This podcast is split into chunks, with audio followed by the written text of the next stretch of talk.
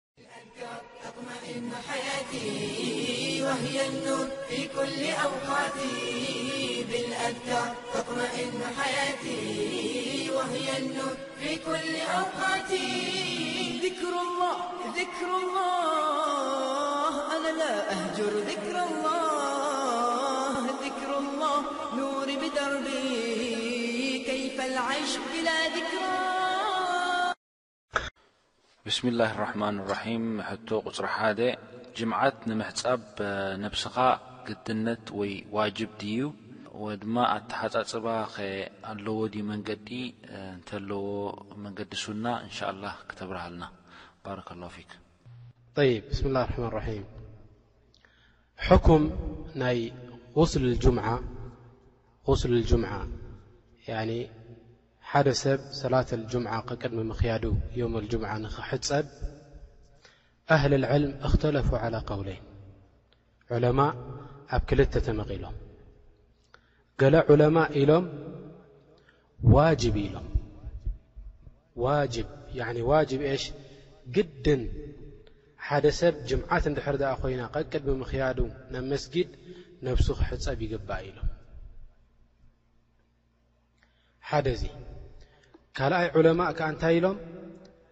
ዋጅብ ግድን ኣይኮነን ላኪን ሱና ሙኣከዳ ኢሎም ሱና ሙኣከዳ እንታይ ማለት እዩ ነቢ ዓለ ሰላት ወሰላም ደይገደፍዎ ተግባር ኣትሪሮም ተዛረብሉ ተግባር እዩ ኢሎም ላኪን ምናልባት እንድሕር ደኣ ገዲፍዎ ሓደ ሰብ ብምግዳፉስ ኣይቅጻዕን እዩ ማለት እዩ ያኒ እንታይ ማለት እዩ ዋጅብ እንድሕር ደኣ ተባሂሉ ሓደ ሰብ እንድሕር ደኣ ተግባር እቲ ገዲፍዎ ረቢ ስብሓንሁ ወተዓላ ብኡ ክሓስቦ እዩ ብኡ በቲ ተግባር እቲ ምግዳፉ ወይ ነቲ ተግባር እቲ ምግዳፉ የስተሕቀ ልዕቃብ ያኒ ንኽቕጻዕሲ ግቡእነት ኣለዎ ሰብ እዚ ማለት እዩ ረቢ ስብሓንሁ ወተዓላ ንክቐጽዖ እታ ካልኣይቲ ሱና ሙኣከዳ ድበልናያ ከኣ ሱና ሙኣከዳ እንታይ ማለት ነቢ ዓለይሂ ሰላቱ ወሰላም ኣትሪሮም ተዛረቡሉ ላኪን ኣብ መቕጻዕቲ ዘይበጽሕ ማለት እዩ ላኪን ፍቱው ዝያዳ ፍትወት ዘለዎ ኣብ ሸርዒ ማለት እዩ ኣብ ዲን ኣልእስላም ማለት እዩ ስለዚ ክልቲኤን ዳርጋ እንታይ እየን ማለት እየን ዳርጋ ክልቲኤን ተቐራረብቲ እየን ዘለዋ እንድሕር ደኣ ፈርዲ ኮይኑ ዋጅብ እንድሕር ደኣ ኮይኑ ግድን እዩ ንዓና ክንሕጸብ ይግባኣና ማለት እዩ እንድሕር ደኣ ሱና ሙኣከዳ ኮይኑ ከኣ ክግደፍ ደይግባእ ነገር ማለት እዩ። ልክዕ ከም ምንታይ ማለት እዩ? ከምዚ ኩሉ ሻዕ ንሕና ሱነተል ፈጅር ንሰግድ፣ ሱና ናይ ዙህሪ ንሰግድ፣ ሱና ናይ መግሪብ ንሰግድ፣ ሱና ናይ ኣልዕሻእ ንሰግድ፣ ከምኡ'ውን ሰላተል ዊትር ንሰግድ፣ ልክዕ እታ ምሕጻብ ነብሲ ድማ እንታይ እያ ማለት እያ? ሱና ሙኣከዳ እያ ክትተርፍ ደይግባኣ ያኒ ተግባር እያ ማለት እዩ። ክትተርፍ ደይግባኣ ተግባር እያ ማለት እዩ። ኣብ ክልቲኤን እንታይ ኢና ዘለና ማለት እዩ ያኒ ልዑል ደረጃ ዘለዎ ልዑል ደረጃ ዘለዎ ተግባር እዩ ኣብ እስልምና ነብስኻ ምሕጻብ ዮም ኣልጅምዓ ኣማ እታ ጠሪቃ ኣተሓጻጽባ መንገዲ ናትካ ወይ ድማ ሓደ ሰብ ከመይ ገይሩ ክሕጸብ ይግባእ ዮም ኣልጅምዓ እዚ ምሕጻብ እዚ እንታይ ተባሂሉ ይጽዋዕ غስለ ልዒባዳ ተባሂሉ ይጽዋዕ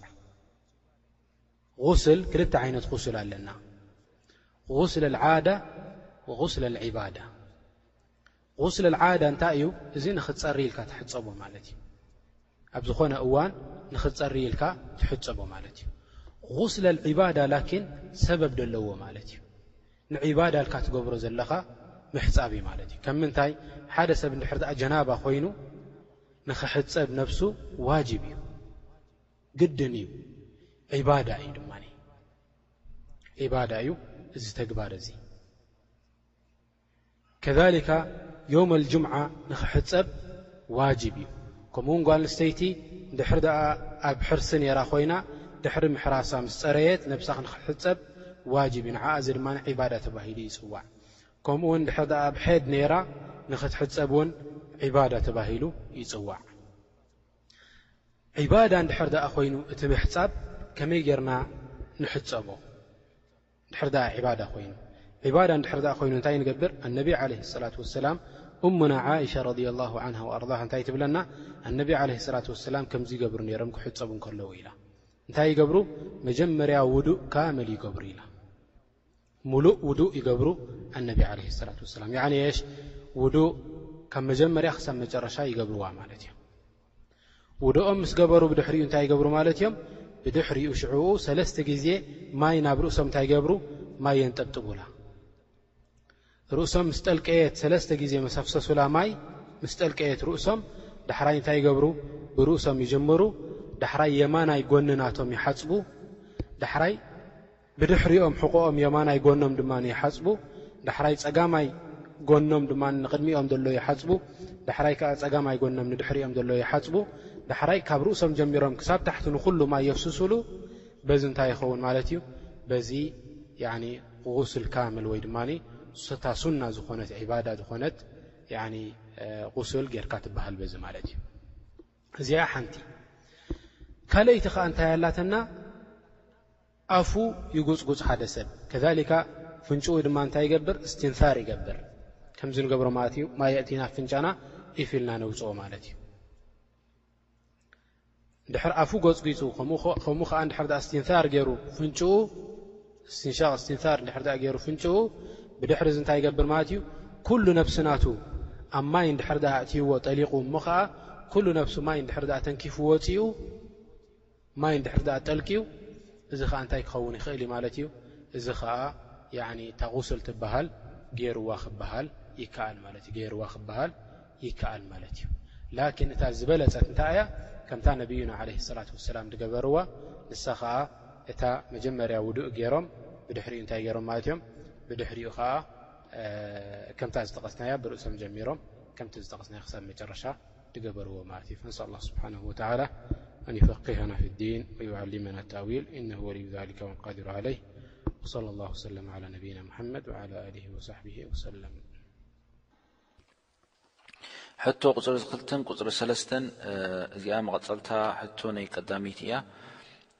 እታ ካልኣይቲ ዓይነት ኣተሓጻጽባ ዝገለጽካያ ኣፉን ኣፍንጭኡን ኣጽርዩ እሞ ነብሱ ተሓጺቡ ውድእ ከይገበረ ክሰግድ ዶ ይኽእል ምኽንያቱ ከይፈለጠ ዓውራ ናቱ ክትንክፍ ስለ ዝኽእል እሞ ዓውራ ምሓዝ ድማ ገሊኦም ዑለማእ ውድእ የፍርስ እዩ ስለ ዝበሉ እታ ካልኣይቲ ሓደ ሙሳፍር ወይ ኣብ መንገሻ ዘሎ ሰብ ኣብ ሓደ መስጊድ ኣትዩ ሰላተል መቅሪብ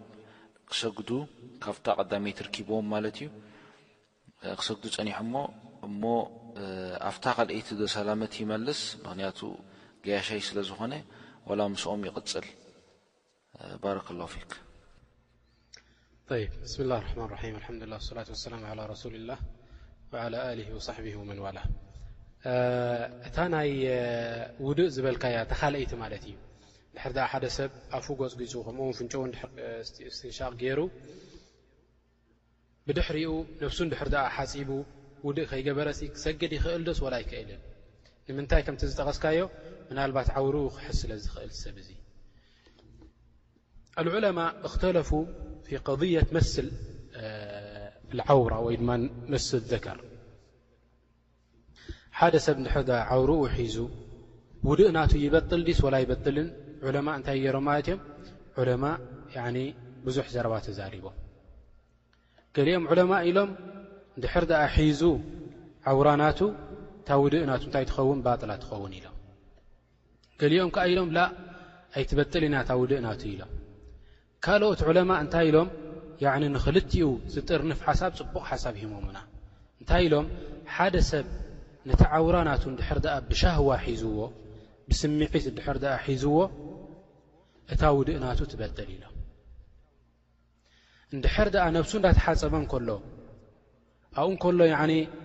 እንዳሓጸበ እንከሎ እንድሕር ደኣ ተንኪፍዎ ላኪን እንታይ ክኸውን ኣይክእልን እዩ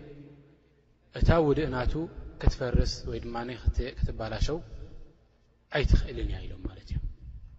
እዚ ኸዓ እንታይ ማለት እዩ እዚ ማእከላይ ቅኑዕ ዘረባ ብእድኒ ላሂ ስብሓን ወተላ ንምንታይ እዚ ሰብ እዚ እንድሕር ኣ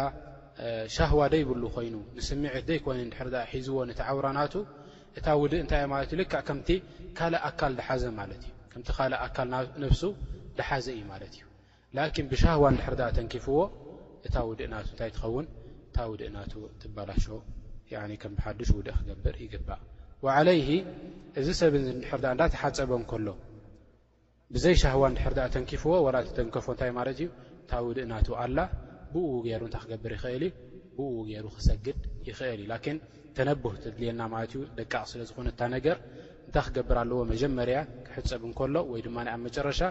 ኣፉን ፍንጭኡን ማይ ክኣትው ኣለዎ ያኒ ክጉጽጉጽ ኣለዎ ኣፉ ከምኡ ውን ፍንጭኡ እንታይ ክገብር ኣለዎ ያኒ እስትንሻቅ ወስትንታር ክገብር ኣለዎ ማለት እዩ ድሕር ድኣ ከምዚ ገይሩ ያኒ እታ ውድእ ናቱ ትኽክል ትኸውን ኣብ ምንታይ ከዓ ክኸውን ኣለዎ ኣብ غስል ልዒባዳ ኣብ غስል ዒባዳ ከምቲ ሓንቲ ወይ ገይረ ዝጠቐስኩልኩም ማለት እዩ ኣማ غስል ዓዳ እንድሕር ደኣ ኮይኑ ንኽፀሪ ኢሉ ነብሱ ደገ ነይሩ ርሂፁ መፂኡ ክፃወት ነይሩ ክዕሶ ወይ ኣብ ስራሕ ነይሩ ርሂፁ መፂኡ እንድሕር ደኣ እትኺኢሉ ኣትዩ ገዝኡ ነብሱ ተሓፂቡ ኣፉ ጎፅጊፁ ፍንጭኡ እስትንሳር ገይሩ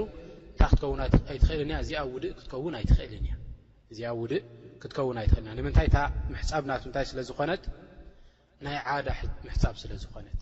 ናይ ዒባዳ ተኾይና ላኪን ውድእ ክትሕሰበሉ ትኽእል እያ ማለት እዩ ላሁ ተላ ኣለም ተኻልይቲ ዝበልካያ ናይ ሰላት ሙሳፍር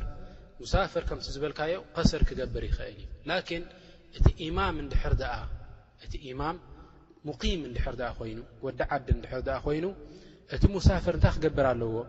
እቲ ሙሳፍር ነቲ ሙቂም ክኽተል ኣለዎ እንድሕር ደኣ ሰላት ኣልመግሪብ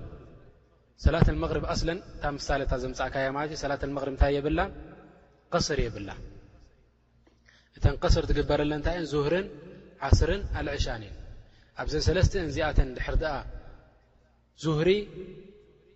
ኣርባዕተ ድሕር ድኣ ሰጊዱ እቲ ኢማም ምስ ኡርባዕተ ክሰግድ ኣለዎ ዓስሪ ኣርባዕተ ተሰጊዱ ምስኡ ኣርባዕተ ክሰግድ ኣለዎ ዋላ ዕሻ ኣርባዕተ ተሰጊዱ ኣርባዕተ ምስኡ ክሰግድ ኣለዎ ኢላ ዓክስ ናታ እንድሕር ድኣ ኮይና ዓክስ ናታ እንታይ ማለት እዩ እቲ ኢማም እንድሕር ድኣ እቲ ሙሳፍር ኮይኑ ንሱ እንድሕር የስግዶም ኣሎ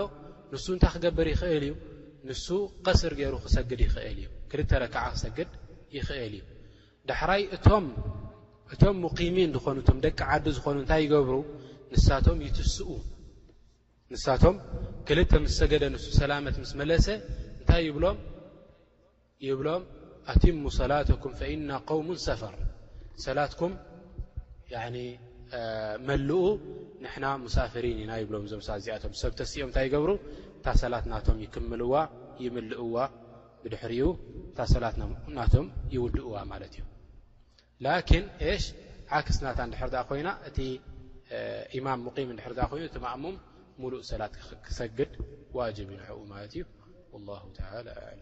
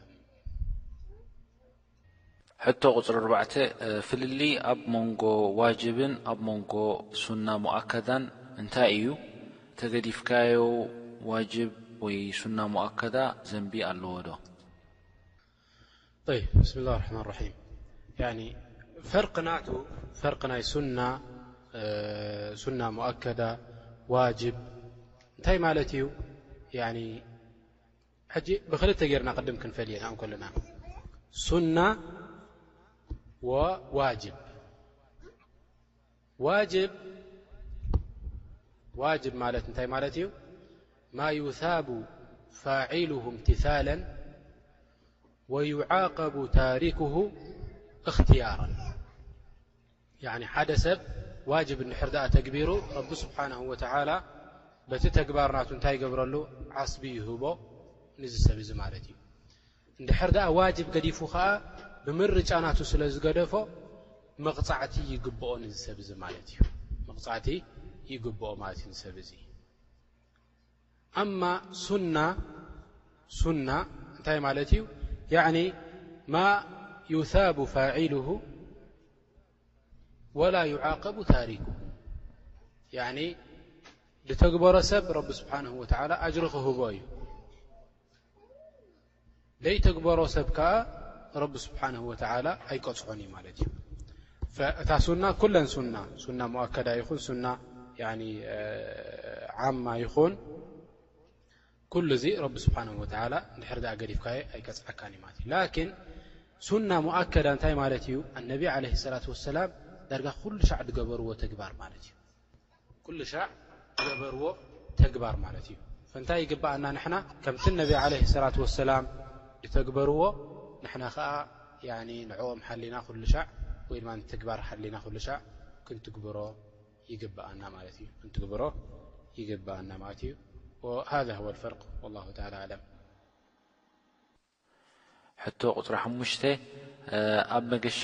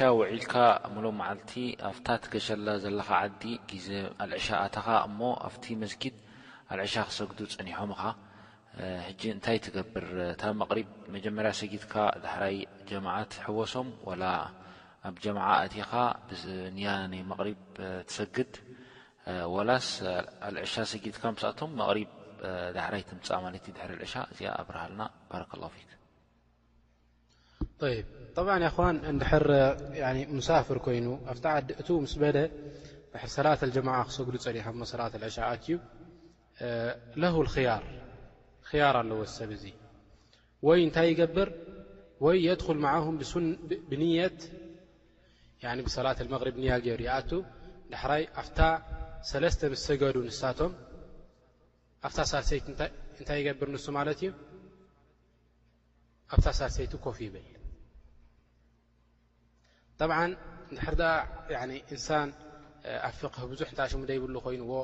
ከስታይ ክገብር እዩ ንዓኣቶም ክለኻብጦም እዩ ቶም ሰባት እቲኣቶም ከምኡ ዝገብር ዘሎ ድሓሸት እንታይ ክገብር ይግባእ ማለት እዩ ንበይኑ ይሰግድ ስራት ኣልመቕሪብ ወይ ከዓ ምስኣቶም ብንየት ልዕሻ ይኣቱ ንሳቶም ብንየት ዕሻ ይኣትው ሰላት ዕሻ ይሰግዳ ዳሕራይ እንታይ ይገብር ዳሕራይ ሰላት መሪብ ምስ ሰገደ ንምንታይ እታ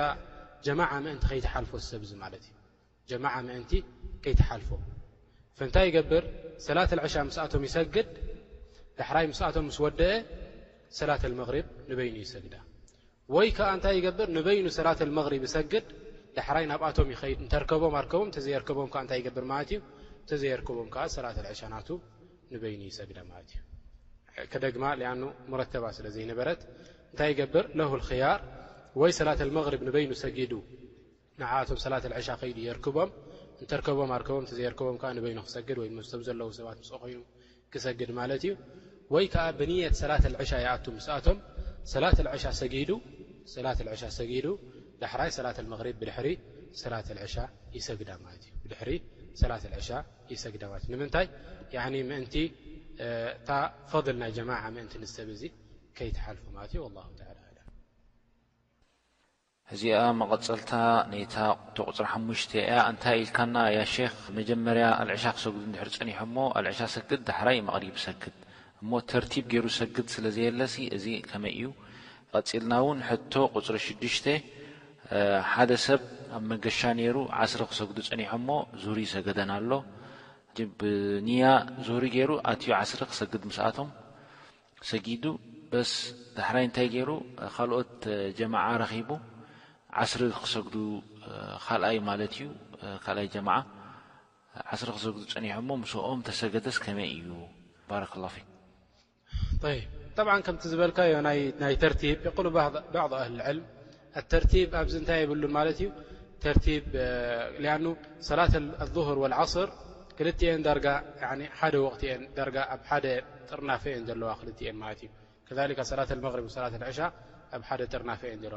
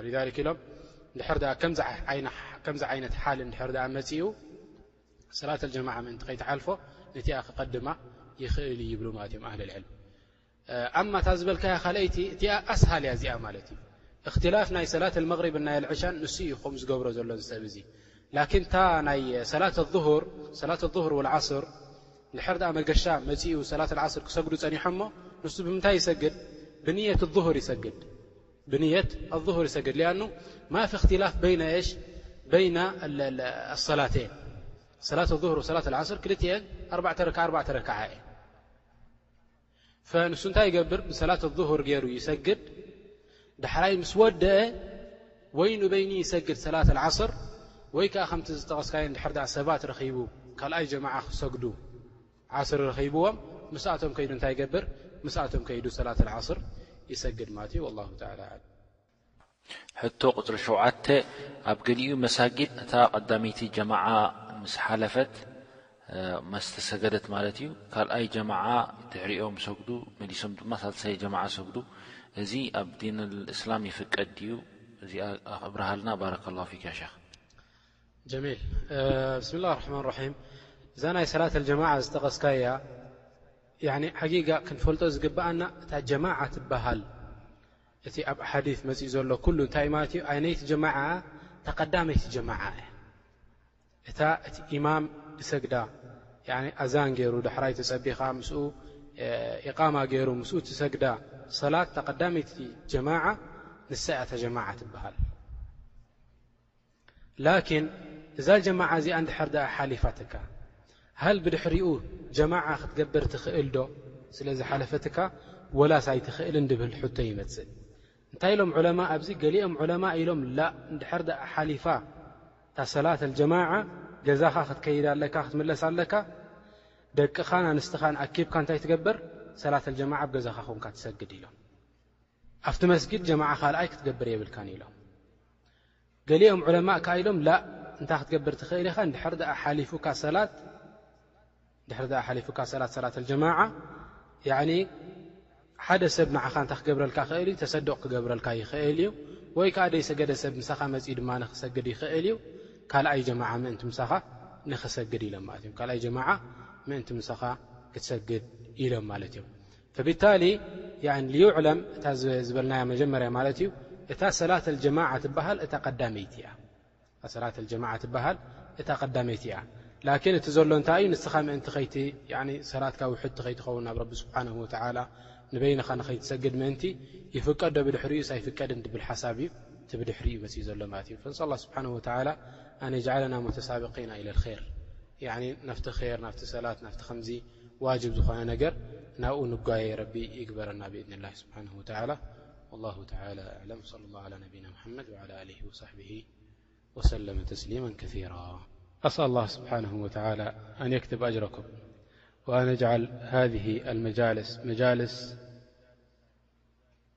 يجعل الله سبحانه وتعالى بها درجاتنا عالية عنده سبحانه وتعالى أن يرفعنا بها إلى العليين ونسأله سبحانه وتعالى أن يفرج بها همومنا وغمومنا ونسأله سبحانه وتعالى أن يرضى عنا وأن يكتب لنا من الذين يذكرونه في مجالس الخير لمجالس الذكر إنه ولي ذلك والقادر عليه